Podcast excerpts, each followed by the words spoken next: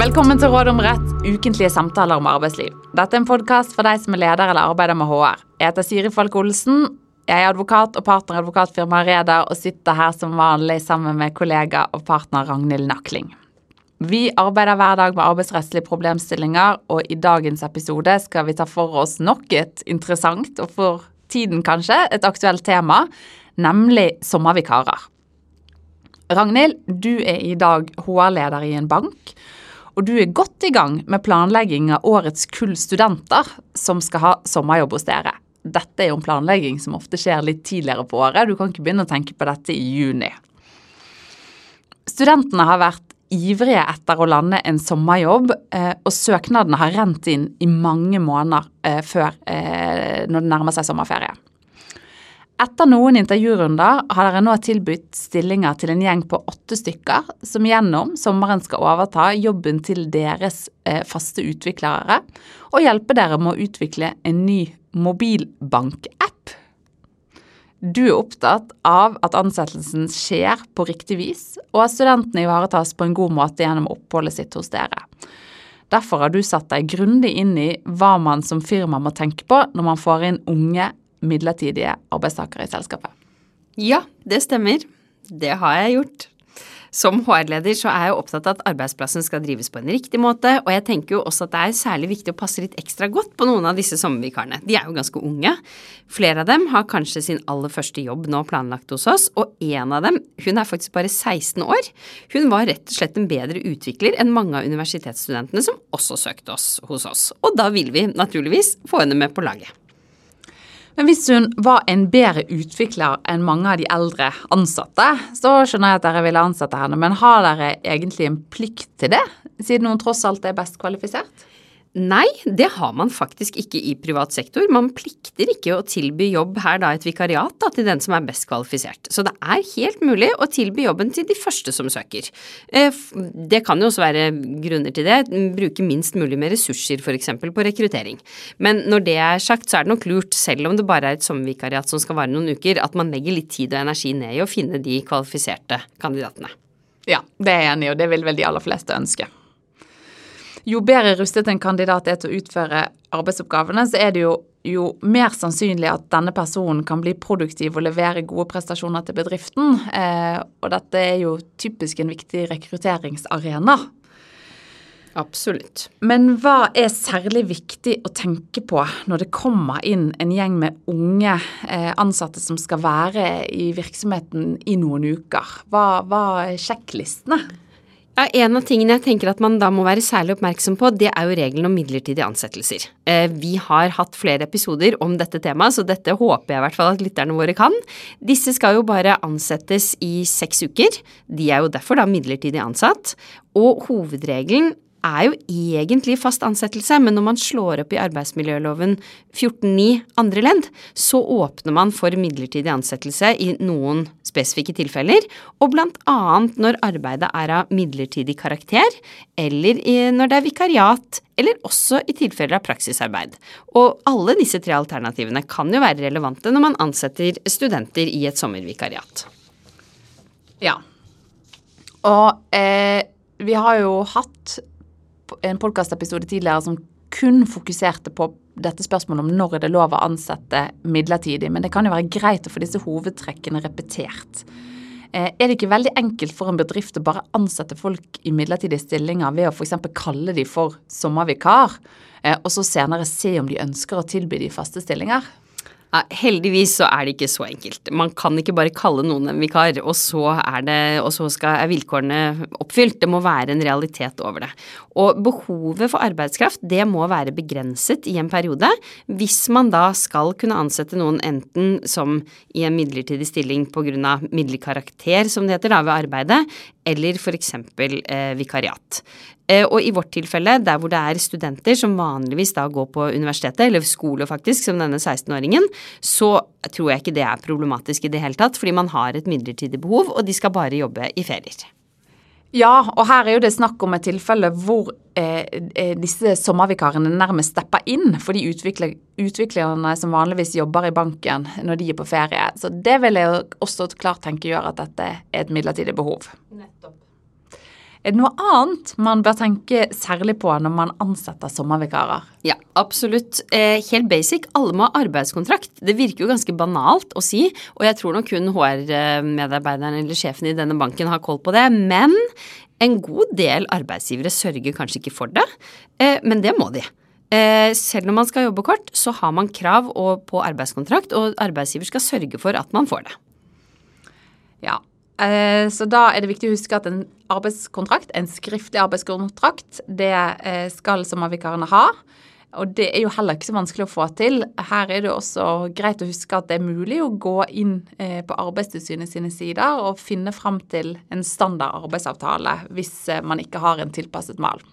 Det stemmer, vanskeligere er det jo egentlig ikke. Men så er det også noen regler om arbeidstid, hviletid, pauser. Alle disse reglene gjelder jo også for sommervikarer, på lik linje med andre ansatte. Så her må arbeidsgiver rett og slett slå opp i arbeidsmiljøloven kapittel 10 og sørge for at man følger de reglene som står der. I tillegg så er det noen spesialregler for arbeidstakere under 18 år. Vi har jo nå hørt at det kommer en på 16 år hit. Og tanken der er jo at de har et større behov for beskyttelse og større behov for fritid. Det har vi også en annen episode om. Ja, så der er det viktig at faktisk at eh, når man ansetter sommervikarer, at man har kontroll på den forskjellen mellom de som er over og under 18 år, fordi at det er litt ulike regler som slår inn avhengig av hva slags kategori man går i der. Ja, det stemmer. Eh, ansatte over 18 år de har rett til minst en hvilepause hvis de jobber mer enn fem og en halv time om dagen. Og det står i arbeidsmiljøloven 10-9. Hvis de jobber en åtte timers arbeidsdag, så skal de ha minst en halvtimes pause i løpet av dagen, som oss andre. Og hvis de ansatte må være tilgjengelig for arbeidsgiver i denne pausen, så skal den være lønnet. Hvis man gjør som man vil i den halvtimen, så er det ikke noe krav om at man skal motta lønn. Og hva med denne eh, unge, lure utvikleren på 16 år som vi nevnte innledningsvis? Er det noe spesielt med denne ansettelsen? Ja, det er det på flere vis, men i hvert fall når det gjelder dette med pauser, da, så er det da at hun vil ha krav på oftere pause enn de som er over 18 år. Fordi etter arbeidsmiljøloven 11.5 så har hun krav på hvilepause i minst en halvtime dersom den daglige arbeidstiden overstiger fire og en halv time, og ikke først etter fem og en halv time, som gjelder for de som er over 18 år. Og denne pausen den skal i hvert fall aller helst da være sammenhengende og ikke stykket opp eh, i løpet av dagen. Ja, dette har vi jo snakket om tidligere, Ragnhild, og som du nå på et vis repeterer litt, så er det en del spesialregler for de som er under 18 år. Eh, ikke bare det du akkurat nevnte nå. fordi at I tillegg så er det bestemmelser om når unge under 18 år kan jobbe, når de skal pause. Så er det også knyttet til regler til hva slags arbeid de kan gjøre. Og det bør jo en, en virksomhet som, som ansetter, under, ansetter ungdom under 18 år, være kjent med. Absolutt. Og igjen da vil vi oppfordre om å gå tilbake igjen til å lytte til den episoden vi har tidligere som, en, som kun snakker om dette med arbeid eh, utført av uh, unge under 18 år. Mm. Er det noe mer eh, denne banken som du da nå er HR-leder for, må huske på ved ansettelsen av sommervikarer? Er det noe annet man må tenke på? Ja, i hvert fall sånn, Hvis vi er inne på formalia, da, så tenker jeg at det er greit å nevne at hun må huske at alle ansatte, også disse sommervikarene, har krav på feriepenger, uansett hvor kort tid de har jobbet. Um, Vanligvis så får man jo siste lønningsdag før ferien, eller i praksis er det jo i juni måned du får hvis du er heltidsansatt. Men når et arbeidsforhold avsluttes, sånn som dette sommervikariatet da vi gjør etter noen uker, så får man utbetalt feriepenger som man har opptjent på neste lønnskjøring. Vanligvis, i hvert fall.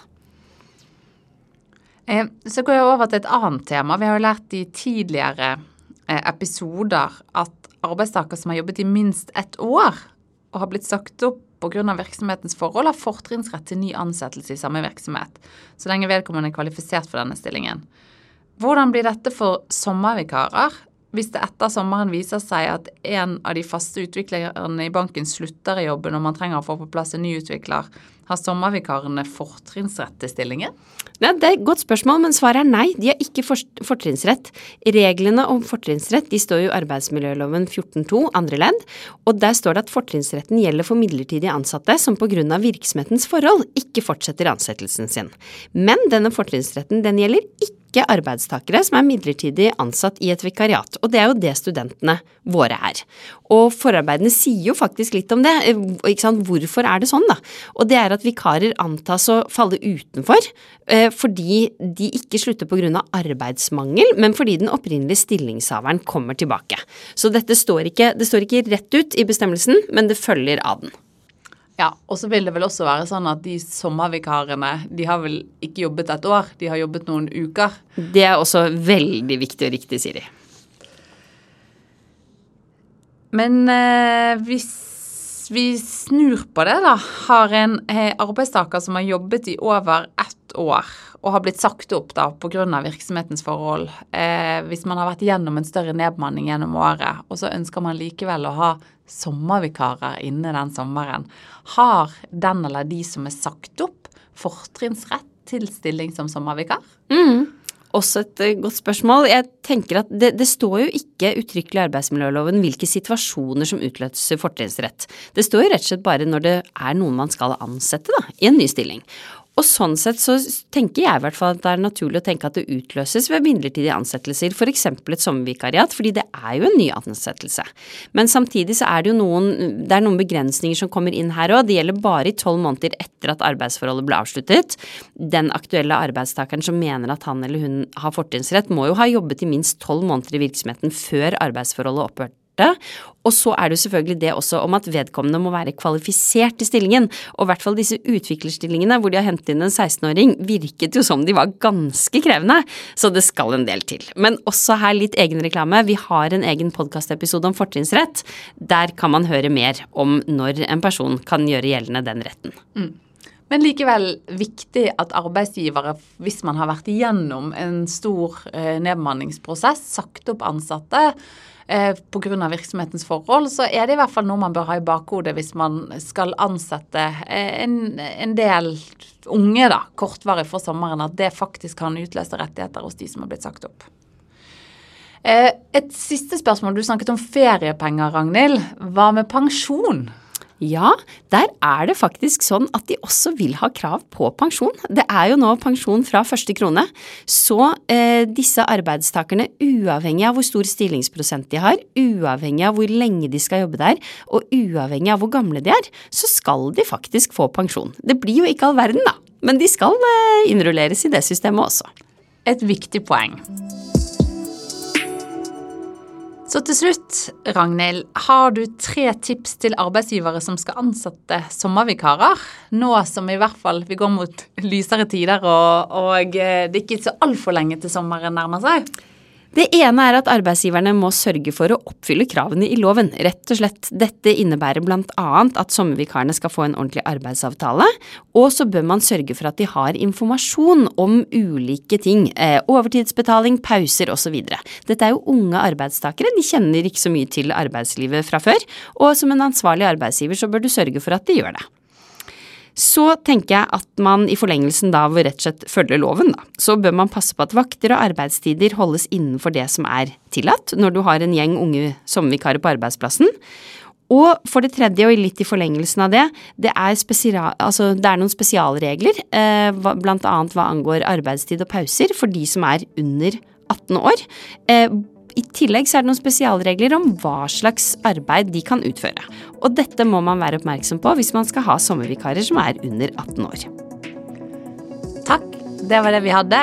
Vi er tilbake med nytt tema og nye tips i neste episode.